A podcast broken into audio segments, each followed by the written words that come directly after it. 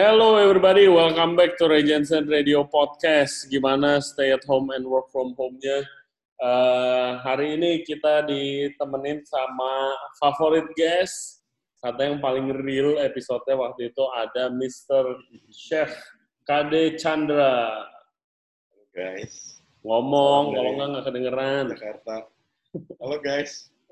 Sampai eh sampai ketemu lagi. Eh, Jumpa lagi dengan saya di kali ketiga ya, Sep ya. Yoi. Kali Dan- ketiga. ada eh, Dick Derian, ini guys baru, ini temen gua guys yang tinggal di Surabaya.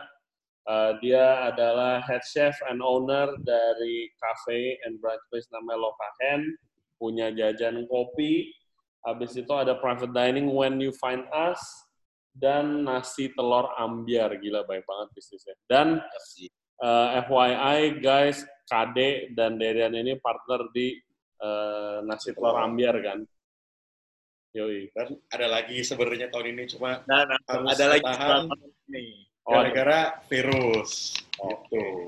Jadi eh, gimana nasi telur ambiar waktu ke Jakarta kok gua, men gua kok nggak nggak nggak berasa itu viral banget ya cuy. Gue pikir bakal meledak loh nasi telur begituan. Eh, siapa yang ngomong nih? Dari nama gue nih. Tadi dulu lah. Kalau gua merasa gua merasa yang baru gua yang baru gua apa ya ngomongnya? Yang baru gue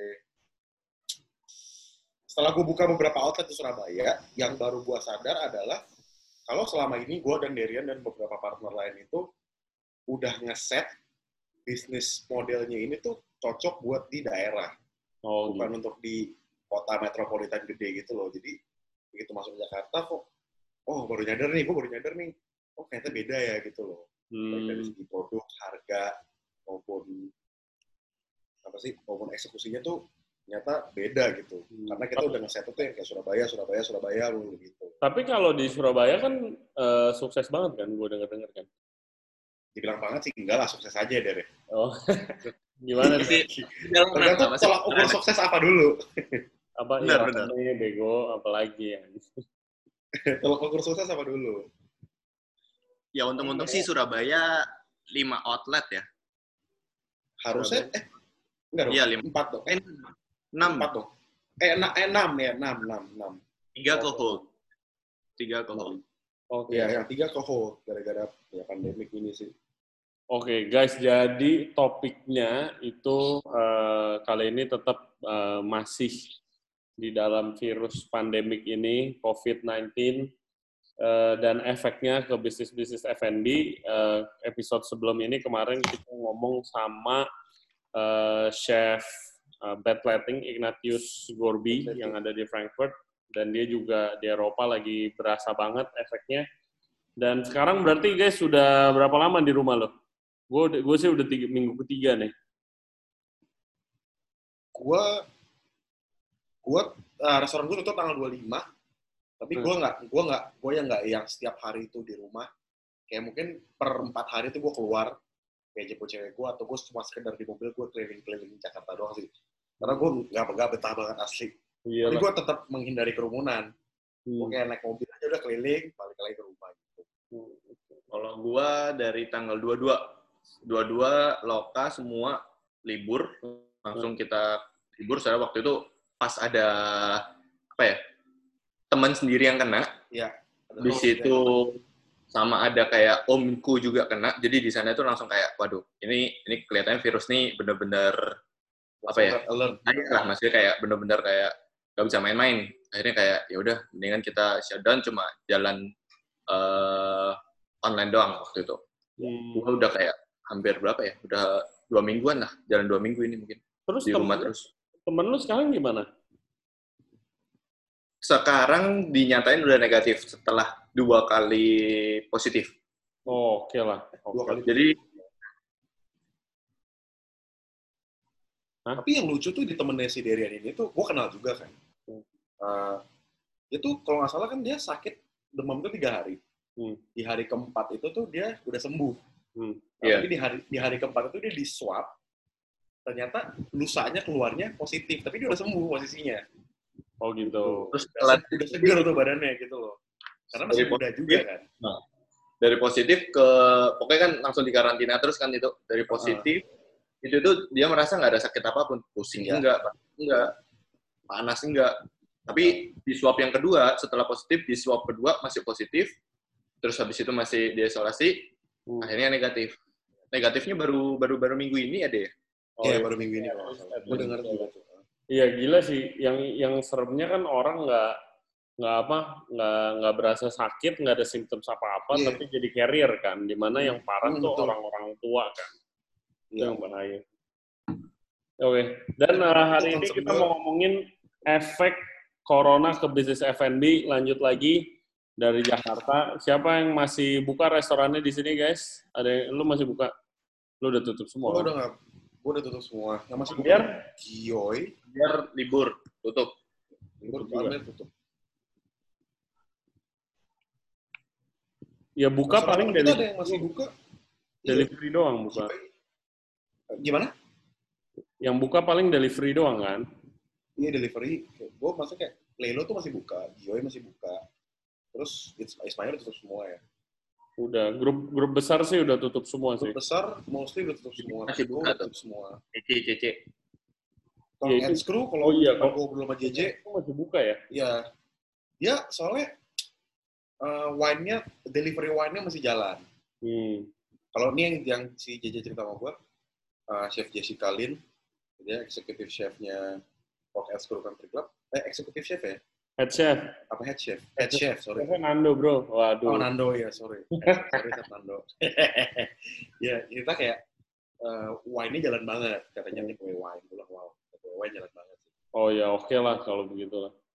dan burger burger masih kencang tuh burger tuh Sama burger. iya sih burger ya. Gila sih yang yang emang kalau bikin bikin Iya. outlet yang delivery friendly itu Exactly. Exactly. kenceng banget sih emang sih. Sayang yang memang DN, DNA-nya untuk maksudnya kan kayak tempat kita bertiga kan kayak selain kita jualan makanan, kita juga jualan experience-nya, Ya, ambience tempatnya, dekor gitu.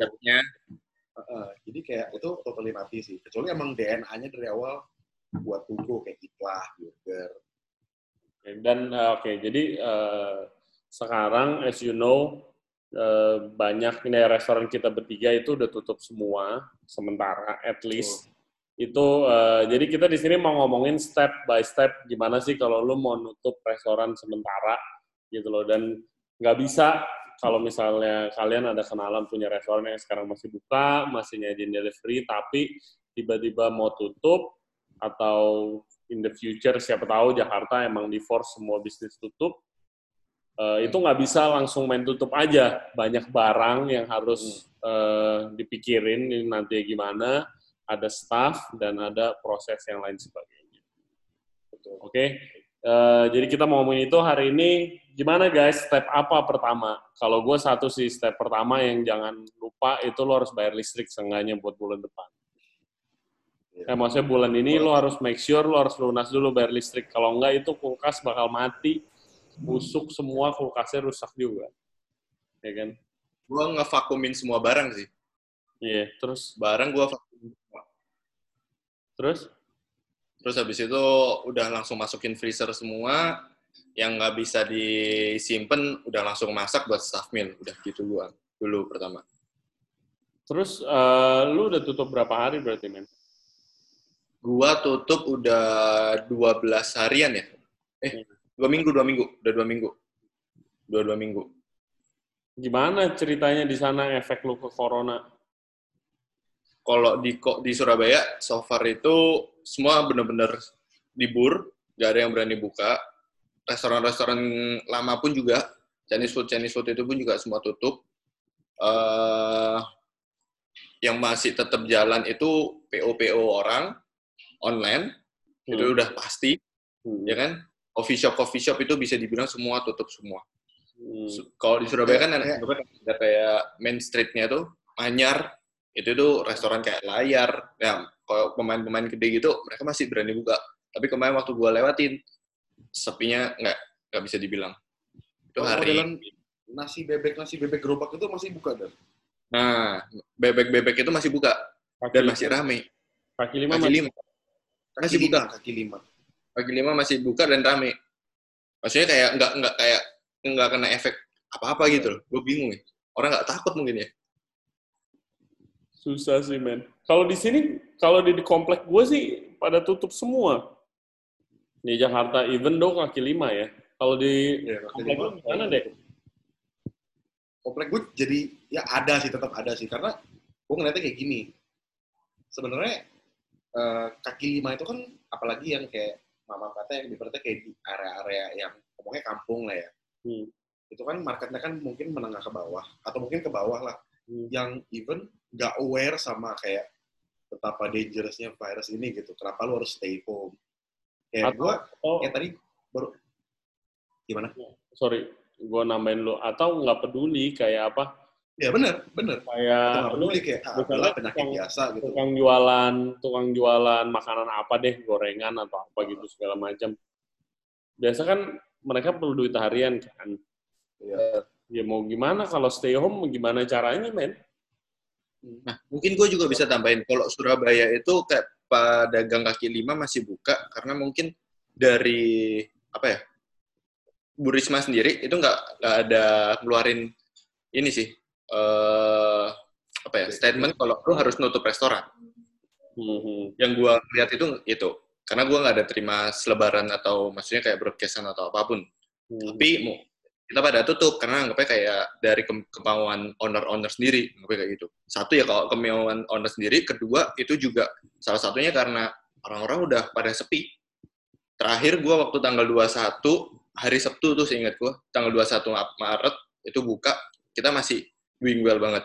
Hari Sep minggunya tanggal 22 itu langsung jebret. Hancur. sama Tiba-tiba udah gue sama lu udah langsung lang- langsung sepi dah. Udah maksudnya sepi. Terus habis itu pas tanggal 22 sepi tahu ada teman yang kena tahu ada om yang nggak ada udah langsung deh. Udah senin langsung kita libur. Itu langsung vakumin semua barang listrik. Nah kebetulan tuh eh, tempat gua kan pakai token kan. Masih Hmm. dapat token tuh. Jadi Hmm. isi isi token terus habis itu apa lagi ya? Eh air. Ya itu air ki- kita pasti bayar sih. Hmm, hmm, hmm, hmm. Hmm. Kalau lu deh gimana deh waktu kehit sama kasus corona ya, by Maple dan lain sebagainya? Eh, yang yang paling kelihatan sih ya tamu nggak ada lah pastilah Hmm. kelihatan banget kayak Sabtu tuh biasa gue cari 22 juta cuma dapat kayak sejuta setengah tuh udah kelihatan banget Hmm, hmm. dan pas itu kayak ya udah gue langsung meeting darurat mau gimana kalau ngomongin step by step yang pasti awal sih gue meeting dulu yang gue pikir pertama staff Hmm. yang pertama staff nih kayak nggak mungkin nih gue ngasih gaji tuh nggak mungkin karena kayak nggak mungkin karena gue nggak ada pemasukan dan gue harus jagain cash flow dong Hmm. Terus yang kedua sih kayak yang lu bilang sih kayak barang apa yang bisa gue keep, barang apa yang bisa ibaratnya gue jual gitu. gitu. Tapi kebetulan kemarin tuh pas, jadi gue tutup tuh tanggal 25 habis gajian, jadi langsung gue tutup semua. Gue tutup, masih ada barang, oke lah beberapa barang bisa tahan, sampai kalau misalkan kayak ada beberapa barang Eh ngomong bisa gede, tahan, Pep ngomong gede. sorry. Ada beberapa ada beberapa barang yang nggak tahan kayak sebulan dua bulan kayak misalkan seafood itu gue bagi-bagiin aja suruh mereka gue pulang nggak Hmm. banyak sih untungnya untungnya kayak gue sama Adler untuk untuk manajemen apa namanya pesan barang tuh ya nggak nggak yang terlalu lebay gitu loh jadi sebenarnya semuanya masih oke lah jadi bagi-bagiin juga masih oke udah anggap aja ini gue nggak bisa gaji lu bulan depan nih bawa nih makanan nih gitu tapi sisanya kayak gue bisa freezerin lama gue freezerin gue vakum vakumin kayak Derian sama Iya. itu sih. Terus menurut gue titik terberat itu kemarin pas gue ngumpulin semua staff gue, pertama kali tuh gue ngumpulin semua staff gue dari dua restoran, kayak anjir banyak juga ya. Sebenarnya kayak banyak banget nih kepala yang bergantung sama gue sebenarnya, Hmm. sama dua tempat ini gitu loh. Tapi ya, mereka untungnya ngerti sih, mereka ngerti. Kayak ya, lu yang setiap hari ada di sana ngeliatin gak ada tamu, cuma nungguin meja doang, ya masa masih lu nggak ngerti sih, masa masih nggak ngerti gitu loh Iya. ya gue cuma bilang kayak gue buka-bukaan gue nggak bisa bayar orang kalau misalkan gue paksain untuk buka dan nggak nutup gue akan bener-bener bangkrut. Dan Hmm. kalau gue bangkrut lu akan kehilangan pekerjaan. Dan gue berani jamin dalam 3-4 bulan ke depan nih lu nggak bakal dapet kerjaan lagi. Iya bakal susah at least gue masih iya bakal susah banget. At least gue masih ngasih janji kalau misalkan nanti situasi udah oke lu orang akan gue panggil semua. Tapi kalau misalkan in the meantime gue tau lu butuh duit in the meantime lu seandainya lu hoki dapat kerjaan gitu oke ini ada restoran lagi nyari cook gaji setengahnya UMR gitu loh. Ya udah ambil aja nggak ada masalah kalau gue. Ya itu juga basically itu hal yang sama juga yang gua yang gua uh, tekanin ke uh, manajemen level gua untuk ngomong ke staff.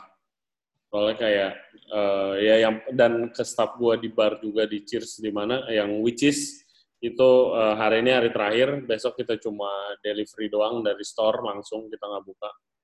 Uh, itu kayak yang bayar gaji uh, staff itu bukan kita. Yang bayar itu customer yang makan. Ya kan? Di mana kalau customer nggak makan nggak iya. datang ya nggak bisa bayar gaji. Begitu. Dan untungnya ya sama kayak lu staff gue masih ngerti lah gitu staff staff gue masih ngerti lah uh, kalau lu gimana der? Kalau gue gue masih gaji sampai sekarang. Siap. Full? Untung full.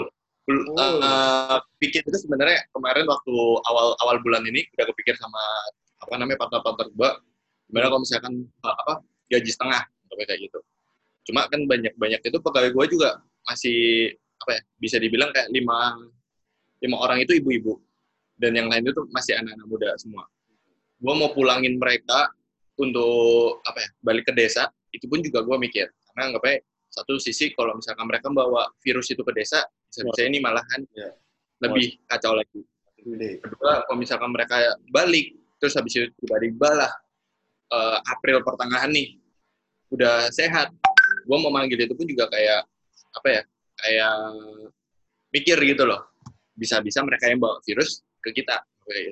Yeah, nah so far uh, semenjak kita dua-dua itu tutup kita kan full uh, dine in itu kan udah mati kan kita liburin. Hmm. aku langsung gue langsung bikin apa namanya menu untuk take away. Gue hajar harga dua puluh lima ribu. Hmm, hmm, hmm. eh sorry ini, ini komputer siapa ya udah udah udah udah. Bunyi WhatsAppnya masuk men. Oh, iya. nggak udah udah udah uh, iya sih itu dia. Dan uh, yang tadi Kade bilang juga uh, bikin gimana ya bikin uh, sekarang sih pusat pikiran gue ada di situ sih. Sekarang pertama ini berapa lama, kedua ini setelah ini itu khususnya di FNB ya, ekonomi udah udah anggot-anggotan gini hampir berhenti dan abis itu apa? Banyak orang pasti akan jadi uh, pengangguran. Unemployment rate pasti tinggi banget. Terus abis itu ya FNB bagaimana men? Gila khususnya kayak all over the world yang kayak pikiran ini tempat tempat yang terakhir gue kerja di Denmark kado bangkrut men kemarin. Kayak dia udah nggak buka lagi. kemarin beritanya ya kan? Kayak ya. gila banget. Just, justru yang makin makin yang kayak fine dining itu yang emang kayak kalau hari biasa aja sebenarnya. Duitnya sebenarnya. Duitnya. Karena begini kelap yeah, yeah. semuanya men. Gila. Makin nggak ada duitnya. Iya benar. men. Kayak best restaurant in the world pada closing down sekarang cuy. Crazy crazy. lu, yang lucu kemarin gue baru kasih lihat Derian alinya yeah, yang Grand Acres. Hmm, dia bikin bener. salad dia bikin salad box. Gue bilang Der ini udah kayak alinea jadi kayak Sydney style salad bar gitu loh Derian bilang ya whatever makes money sekarang gue bilang Nah, udah mikirin branding, gak mikirin konsep, men. Udah. Ya udah, yang penting jadi duit aja udah gitu. Iya, men. Lu, gua aja kemarin lihat uh, di Instagram gua, G, G Savoy. Itu guys, ya, G Savoy tuh legendaris, uh, very uh, respected and very famous French chef. Legendaris lah pokoknya. Dia masak ramen, cuy. masak kayak ramen instan gitu, pakai homemade cooking terus masak di rumahnya. Kayak this guy kayak one of the most respected chef ever akhirnya ya bikin demo masak bareng-bareng sama yang Bisa lain. balik ke awal semua sih. Hmm. yang gue pikirin itu sekarang setelah ini selesai bisa-bisa bahannya itu pasti naik semua barang pasti. Sekarang aja udah naik banyak gak sih? Udah naik banyak. Gara-gara ya salah satu dolar gak sih? Hmm. Yoi terus Uh, gimana nih Der? Tadi lo sebelum ini lo mau ngomongin tentang uh, orang-orang yang pada buka PO. Benar. Ceritain dong, ceritain dong. Kalau gimana ya? Ya semenjak, maksudnya kalau ini gue ngomong dari sisi Surabaya ya. Hmm. Kalau Surabaya bisa dibilang itu kan kecil. Maksudnya kayak uh, lu market meskipun lu buka market di tengah, barat, timur, selatan, utara itu semua masih kena gitu loh. Radiusnya itu nggak terlalu gede. Nah, kita sebagai anggap aja kita sebagai orang yang benar-benar berjimbung di F&B, terus habis itu buka di restoran. Kalau pilihannya kan ada dua sekarang, antara kita benar-benar libur, tutup, atau kita benar lanjutin online. Hmm. Dan akhirnya kan kita masih, eh, kalau gua akhirnya libur dan in, tetap lanjutin online take away itu. Hmm. Di online ini kan apa ya, eh, kita berharap buat kayak, oke lah setidaknya bisa ngatur untuk cash flow, bisa untuk gaji pegawai, sama nutup eh, apa bahan lah, setidaknya itu doang. Tapi di satu sisi, banyak juga mungkin orang yang gabut di rumah, gak ada kerjaan, Hmm. ya kan? Hmm. Akhirnya mereka itu buka-buka PO. Ada teman gue yang buka ronde, ada teman gue yang tiba-tiba buka ayam taliwang, Hmm. Habis itu ada temen gue juga yang apa ya es krim buset semua itu kayak dijualin. Peach gum yang out of nowhere dia itu ada nih customer lokal nih. Setiap hari itu da- eh, datang ngopi makan kue. Tiba-tiba gue liat instagramnya jualan sponge cake. Jualan chiffon cake. Gue kayak anjir lu kok misalkan ini lu jualin semua? Terus kita ini sebagai yang eh Emang beneran main gitu. Iya, kan anggapnya market kita ya memang ya satu sisi ya pasti ke- kepotong, anggapnya kayak gitu. Iya. Sekarang aja dengan kayak kita berharap eh, eh, apa online, orang-orang itu kan juga udah mulai berkurang kan. Mereka Hmm, juga iya. nggak pasang apa ya, self awareness-nya mereka lebih tinggi lagi gitu loh. Hmm. Kayak takutnya itu mereka kayak lebih lebih takut lagi nggak sih? Mau beli online, Gojek itu juga takut. Iya. Tuh. Udah kayak Ar- Arnaud semua gitu loh. Kalau Jakarta gimana untuk PO-PO-an? Iya. PO apa BO nih? Ya, Kalau kalau. BO, kalau gue ngomongin PO dulu, kalau BO mungkin safe situ lebih Ah, tai. Udah cewek gue aja ngomong sembarangan. Kalau kalau masalah PO PO sih bener sih banyak sih khususnya kayak di komplek rumah gua yang tadinya itu mau nyari makanan tuh susah banget men. Komplek rumah gua kalau mau ke Indomaret aja jauh. Terus eh, kayak rumah makan rumah makan gitu nggak ada yang deket sini. Tapi begitu ini udah tiga minggu banyak banget men. Ada yang dari jualan sushi roll. Terus habis itu ada yang jualan eh, makanan Indonesia ada dua terus ada yang makanan western, spaghetti gitu segala macam juga ada. Ada yang rice bowl kayak udah mungkin ada ada lima kali lima bisnis yang lahir bisnis makanan dari sini. Sama ya gua, gua nggak ada kerjaan, gua mulai minggu depan pengen jualan Chinese food iseng-iseng. Work from home. Yoi, work from home guys. Yoi. Follow Instagramnya Nice gimmick. work from Nice home. gimmick. Terus gimana deh kalau lu deh? Kalau gue kalau PO gitu ya, bukan Hmm. PO sih. Kalau yang gue perhatiin gini, eh F&B bisnis, nggak usah ngomong di Jakarta, di Indonesia tuh kayak udah too unregulated banget gitu loh. Kayak anyone yang bisa masak bisa bikin bisnis. Padahal kalau lihat, gue yakin kayak di negara mungkin Denmark atau Singapura, lu untuk buka jasa rumah makan ibaratnya gitu, lu butuh certain certification kan, entah itu hasap, entah itu qualification gitu loh, lu nggak bisa sembarang. Gue bisa masak udon di rumah, gue bisa gojek gitu loh. Betul betul. Jadi, Betul betul. jadi even sebelum corona ini, gue tuh easily kayak sekali scroll di Instagram, gue ketemu lima brand rice bowl baru. Dari yang nggak jelas sampai yang jelas. Hmm. Jadi buat gue bukan hal baru sih di Jakarta sih. Tapi yang Grand bilang bener banget. Kayak sekarang orang ada kerjaan di rumah. Hmm. Dan masaknya tuh gampang. Lu di YouTube, how to Iya. make siphon cake, how to make itu gampang banget. Yoi. Beli bahan ada gitu loh. Jadi kayak ilmunya tuh sangat-sangat tangible dan gampang banget lah ibaratnya lah. Apalagi orang ada kerjaan kan. Masih Kayak gitu loh ngerjainnya. Kirim Iya. ke influencer, Iya. kirim ke temen. Iya, Ya. tapi kan biasa lah yang kayak seleksi alam nanti yang enak dan benar operationnya bagus yang bakal survive kan. Terus yang konyol kayak support lokal bisnis, support lokal bisnis. Tapi lu buka kayak gituan juga kan tai sama gue kayak gitu. lu support lokal bisnis, lu beli. Bukan lu bikin, terus lu ngomong support lokal bisnis, anjing. Iya sih, itu itu gue sebel banget sih men. Support lokal bisnis kayak eh gimana kayak lu inget gak kemarin ada Instagram eh yang waktu Instagram yang petition itu loh di grup chef Ya. yang minta Oh iya, iya, iya. government Ya kan, terus kan gue share di instastory gue. Terus pada nanya, eh dia gimana mau support lokal bisnis, gimana mau support? Ya mau support belilah, gila, beli aja. Bu- beli bukan buka PO lagi gitu kan. Gila, gila, gila.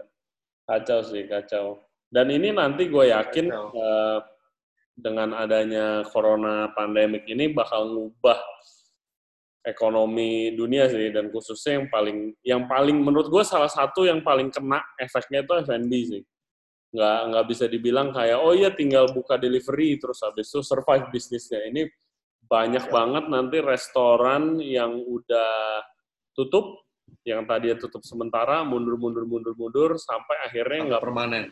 cash lagi buat buka lagi gitu dan ini Iya. ya tadi yang tadi kayak gue bilang guys itu restoran yang terakhir gue yang terakhir gue kerja di Copenhagen di Denmark kado itu udah bangkrut dia cuma tutup dua minggu terus tiba-tiba dia declare bankruptcy udah nggak bakal buka lagi It's so sad Iya, declare bankruptcy. terus eh, kayak jadinya menurut lu berdua bisnis F&B bakal diubah ke gimana nih feeling lo orang Lu dulu deh. ini mancing nih tai. mancing nih. Udah gue buka nih ya, tadi gue ngomongin ya. Gue merasa kayak ini mungkin bakal banyak yang benci sama gue sih habis gue ngomong ini sih. Tapi gue yakin apa yang gue ngomongin ini true. Dalam kayak kita kita bertiga bisnis restoran tuh nggak nggak cuma satu dua bulan lah, kita udah bertahun-tahun lah. Iya Kayak terus apalagi yang di Jakarta ya, gue merasa sekarang itu bisnis restoran atau bisnis makanan itu udah menjamur banget. Hmm. Sangat amat menjamur. Orang tuh merasa kayak punya duit, eh bikin restoran aja, duit gampang. Padahal kayak fuck man. Terus lu kayak mendingan gue bikin tempat pijat anjir daripada bikin restoran sumpah. Mhm. Gitu. Terus gue merasa kayak dengan adanya pandemik ini, dengan adanya segala macam setback ini, ini tuh jadi snap gitu loh, Thanos snap. Jadi kayak restart point untuk segala F&B bisnis di Jakarta gitu. Gue nggak tahu ini it's a good thing or it's a bad thing. Gue merasa kayak nantinya, kalau menurut gue nih yang yang gue lihat ya, nantinya bisnis F&B ini mungkin nggak akan serame sekarang sampai dua tahun ke belakang ini loh. oh iya orang tuh bakal mulai ibaratnya mulai mikir dua kali lah buat Iya nggak sih bisnis F&B itu seenak itu nggak sih sebenarnya? Gue habis diterjang, apalagi restoran gue nggak mau nyebut nama lah. Di sana kan ada restoran baru buka kan ada restoran Indonesia. banyak banyak sih cuy Ada satu baru buka, gua udah makan. restoran yang baru buka Iya. Ada tiga yang baru buka.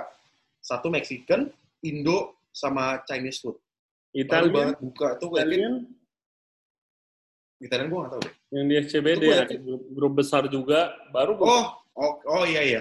Tapi Iya. kalau grup besar gue nggak mikir sih, karena mereka mungkin punya marketing plan sendiri ya. Itu grup gede banget sih dia. Hmm. Tapi kalau tiga restoran yang gue gua ngomong ini, dia tuh grup independen gue tahu.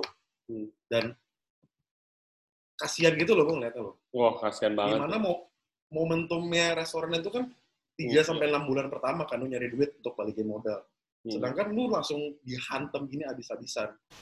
Ya temen gue, ini tem- tetangga gue actually, temen SMA gue dia baru buka eh, restoran Jepang juga tuh di Gimana? daerah situ juga, di daerah situ juga. Itu juga kasihan juga gue lihat lihat dia kayak main baru invest loh, kelar sih, kelar sih. Terus tapi Ambiar gimana nih? Kok Ambiar diliburin sih? Bukannya delivery friendly? Nah kalau Ambiar itu kita balikin sebenarnya kan kita kan bukan yang punya outlet kan, kita yang punya merek. Kita balikin ke mitra masing-masing. Hmm. Ada mitra yang bukanya tuh di kampus. Ramenya tuh kalau misalkan kampus sekarang lagi libur kan, bayar libur ya dari. Libur. Ya kalau misalkan kampus libur mati lah dia udah. Oh. mendingan dia tutup sekalian gitu loh. Hmm. Terus kayak yang di Jakarta tuh kebetulan di sebelahnya pengadilan tinggi, pengadilan tinggi negeri Jakarta Pusat. Lagi kayak gini kan nggak ada sidang, nggak ada apa jadi ya. Dan dia numpang di tempat orang. Di mana kalau tempat itu tutup, lu juga harus tutup. Tempat lu buka, lu boleh buka, boleh tutup gitu. Yang di Surabaya tutup semua juga, Der? Enggak, Ada dua, dua, eh satu doang yang tutup, yang di, satu doang yang tutup ya. di, di kuliah, eh apa di kampus. Kampus. Dua masih buka dan mereka malah bilang Gojeknya malah lebih banter. Ya pasti Hmm. sih, dia kayak Iya, kayak gini memang. Gojeknya pasti dapat. Terus jadi ke depannya konsep-konsep apa nih kalau udah lewatin corona nih yang bisa itu jalan nih dek bikin private dining deh. orang cuma 10 gitu nih masih bisa Ya, 10 yang orang menarik yang menarik kemarin si Respati Burger gue Hmm. lagi ngobrol sama dia kayak dia bilang gue mau bikin bisnis nih habis habis habis ini selesai gue bilang ya Res gue juga gak pinter-pinter amat bisnis Hmm. kalau gue sih yang sekarang gue gak berani ngomong apa-apa karena gimana ya ini tuh masih baru mulai semuanya. Jadi sekarang tuh kita tuh terima berita tuh masih day by day gitu loh. Hmm, kita nggak akan tahu nih sebulan depan tuh bakal angkanya bakal 100 ribu atau berapa. Hmm, jadi kalau menurut gue sih sekarang sih mendingan lu lelo aja dulu. Kayak ya lu pikirin lah kira-kira lu punya konsep apa lu catet. Jadi seandainya nanti udah selesai lu mas lu punya banyak list nih ini ini ini ini gitu hmm. tapi kalau buat sekarang sih gue nggak bisa ngomong sih karena Iya. ini baru it's just the beginning bro. Iya dan dan apa nggak tahu gitu men harus harus cari news Iya. source tuh dari mana? Ah, gila banget. betul. dari, dari mana lu lu ini bener apa enggak? Terus ada yang hoax lagi belum betul. tentu bener kan? Ya begitu. Eh. terus lu Kalau aktivitas di- apa nih? Eh kenapa Den? Sorry. Kalau di Surabaya bisa bisa eh, so far sih ngeliat, ngeliat ini ya, ngeliat si Risma kerjanya sih bagus. Maksudnya kayak apa ya? Gue ngeliat eh, penanganannya cakep gitu loh. hmm. Jadi sebenarnya mau keluar rumah itu pun juga aman sebenarnya. Kemarin eh tadi gue barusan terima info dari teman gue di Bandung. Semua kafe itu kan pada tutup. Tapi katanya next week mereka mau reopen. Nah, Wow. yang gue tahu malah di Bandung itu malah bukannya apa kasusnya paling lebih banyak ya kalau corona ya.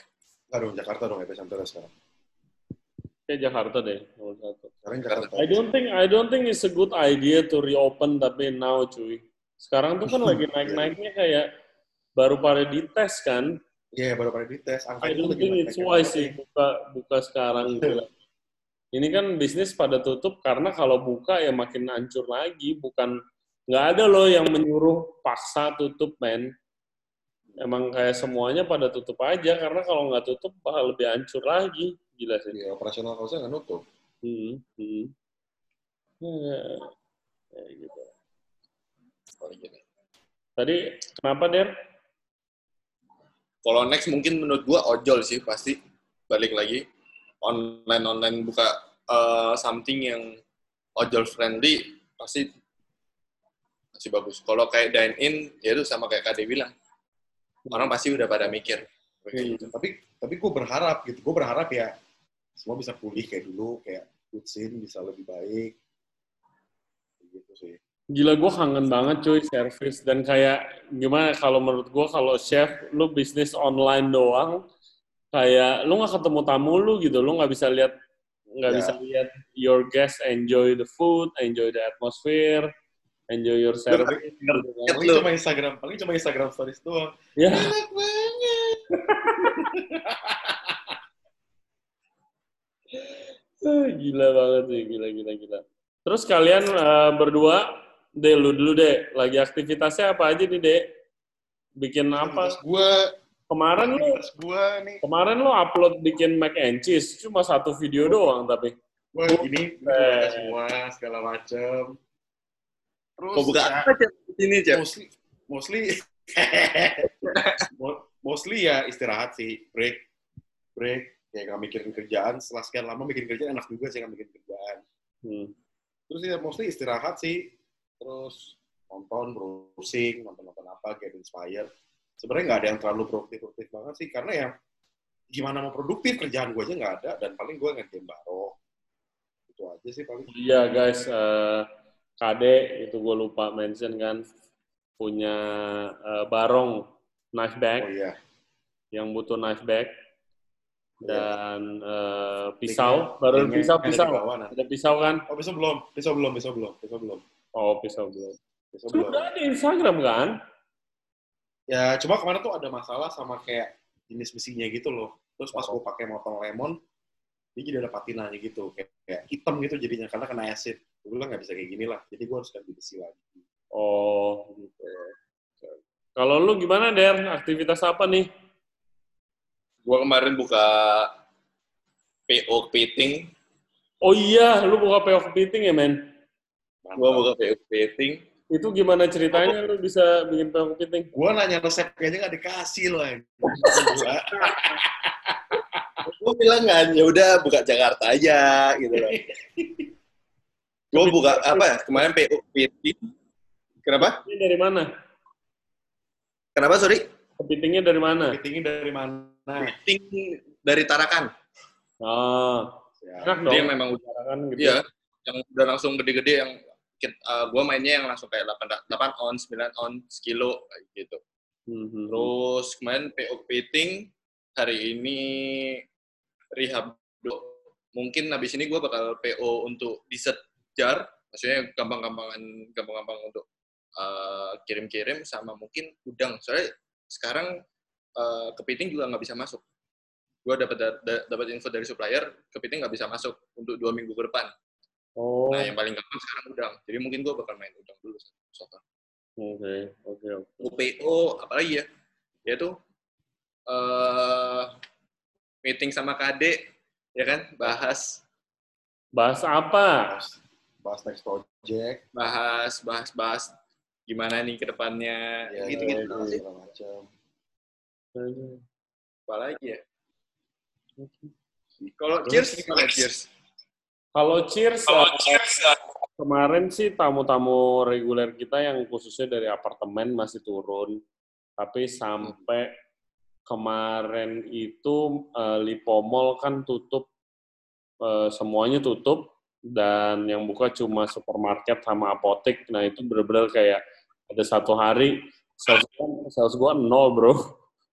Jadi kayak uh, ya udah gue gua tutup dulu, tapi kita masih buka delivery tapi ya dari store langsung dari gudang langsung nganter kayak gitu sih oke ada yang mau diomongin lagi guys kalau nggak kita tutup dulu podcast episode kita kali ini Support lokal bisnis. apa Support lokal bisnis. Jangan buka PO dari rumah. eh gue kan ada murah dibuka PO di rumah Ya enggak, maksud gua yang yang yang bukan yang bukan orang FNB jangan buka PO lah. Kasih kita makan lah dikit lah. Kuenya bagi-bagi. Oke guys, kalau gue gue mau shout out kepada eh, chef-chef eh, all listener Regency Radio yang lagi stuck di rumah, yang bisnis restorannya lagi suffering. Eh, we all suffer together. Staff-staff yang mungkin udah hilang kerjaan atau lagi dipotong gajinya atau apa. Gua mau nambahin dong. Gue belum selesai nih. Ya, kita lupa lagi. itu uh, supaya tetap sabar dulu dan uh, tetap berdoa dan uh, kita apa pun itu kita jangan kalah. At least mentally jangan kalah lah. So cari selalu cari kesibukan and keep yourself motivated keep yourself busy. Itu dari gua. Oke deh apa deh Kalau buat gua untuk para business owner, jangan buka restoran. kemakan pride, jangan kemakan pride. Kayak it's okay to admit temporary defeat, tapi lu untuk menang di kemudian hari gitu loh. ya Supaya lu untuk survive. Karena kayak kemarin teman gue cerita ada beberapa yang kayak, iya owner gue masih masih kekeh gini gitu, harus masa dia nginjek duit lagi kayak. Menurut gue so fucking stupid sih. Di masa kayak gini tuh, ya udah nggak apa-apa lu admit temporary defeat aja dulu.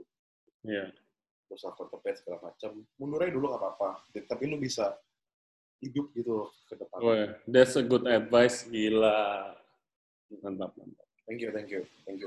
Oh, iya dan untuk para untuk para listener siapa pun yang dengerin ini atau nonton ini kalau misalkan lo karyawan dan gaji lo dipotong atau lo dapat unpaid leave atau lo even di PHK itu bukan berarti gimana ya sekarang tuh lo mesti ngerti situasi lagi susah banget. Gue yakin bos-bos lo pun nggak mau sebenarnya dan gue gue merasa gue kerja dari bawah sampai gue jadi bos sampai gue punya tempat gue sendiri. Jadi gue ada kayak gimana ya ada kayak ke- ada kayak nggak enak sendiri gitu loh. Gimana gue harus ngomong ke anak buah gue. Ngerti lah. Lo nggak bisa Ngerti banget. segala macam kayak gitu. Jadi lo nggak usah benci sama bos lo lo nggak usah benci sama perusahaan yang lo kerja. Karena lo harus eh, lo harus akuin ini sekarang tuh lagi zaman susah banget buat hmm. industri F&B susah banget. Yoi. betul betul. Sih. Der ada tambahan Der Kalau buat gua nggak ada. Stay safe. Ntar kalau udah balik normal, langsung cepet buka restoran, tapi yang matang, kafe yang matang. Jangan bersedih. Ya, ya anggap aja. Kalau gua sih sekarang mikir, ya ini waktunya buat istirahat, bener-bener nenangin diri, Betul. nggak nggak mikirin apa etiknya restoran, nggak mikirin human human errornya. Udah, bener-bener ambil istirahat lah. Gue sih gitu. Ya, Family time, tepatnya gitu. yoi, yoi, yoi, benar-benar. Oke guys, uh, thank you berdua, chef-chef Dick and KD, and thank you very much guys for listening to our podcast. Jangan lupa like and subscribe videonya, dan uh, jangan lupa follow Instagram kita di Ray Jensen Radio, follow Instagramnya KD dan Dick. Nanti gua share di description-nya. Enggak bro, kali ini gua nggak edit videonya, soalnya gua nggak bisa ketemu Michelle, Michelle yang edit. ini bener-bener begini videonya nih ntar nih. Oke guys, uh, thank you very much. Thank you, thank you. Thank you. Next time. Bye bye. Bye-bye. Bye.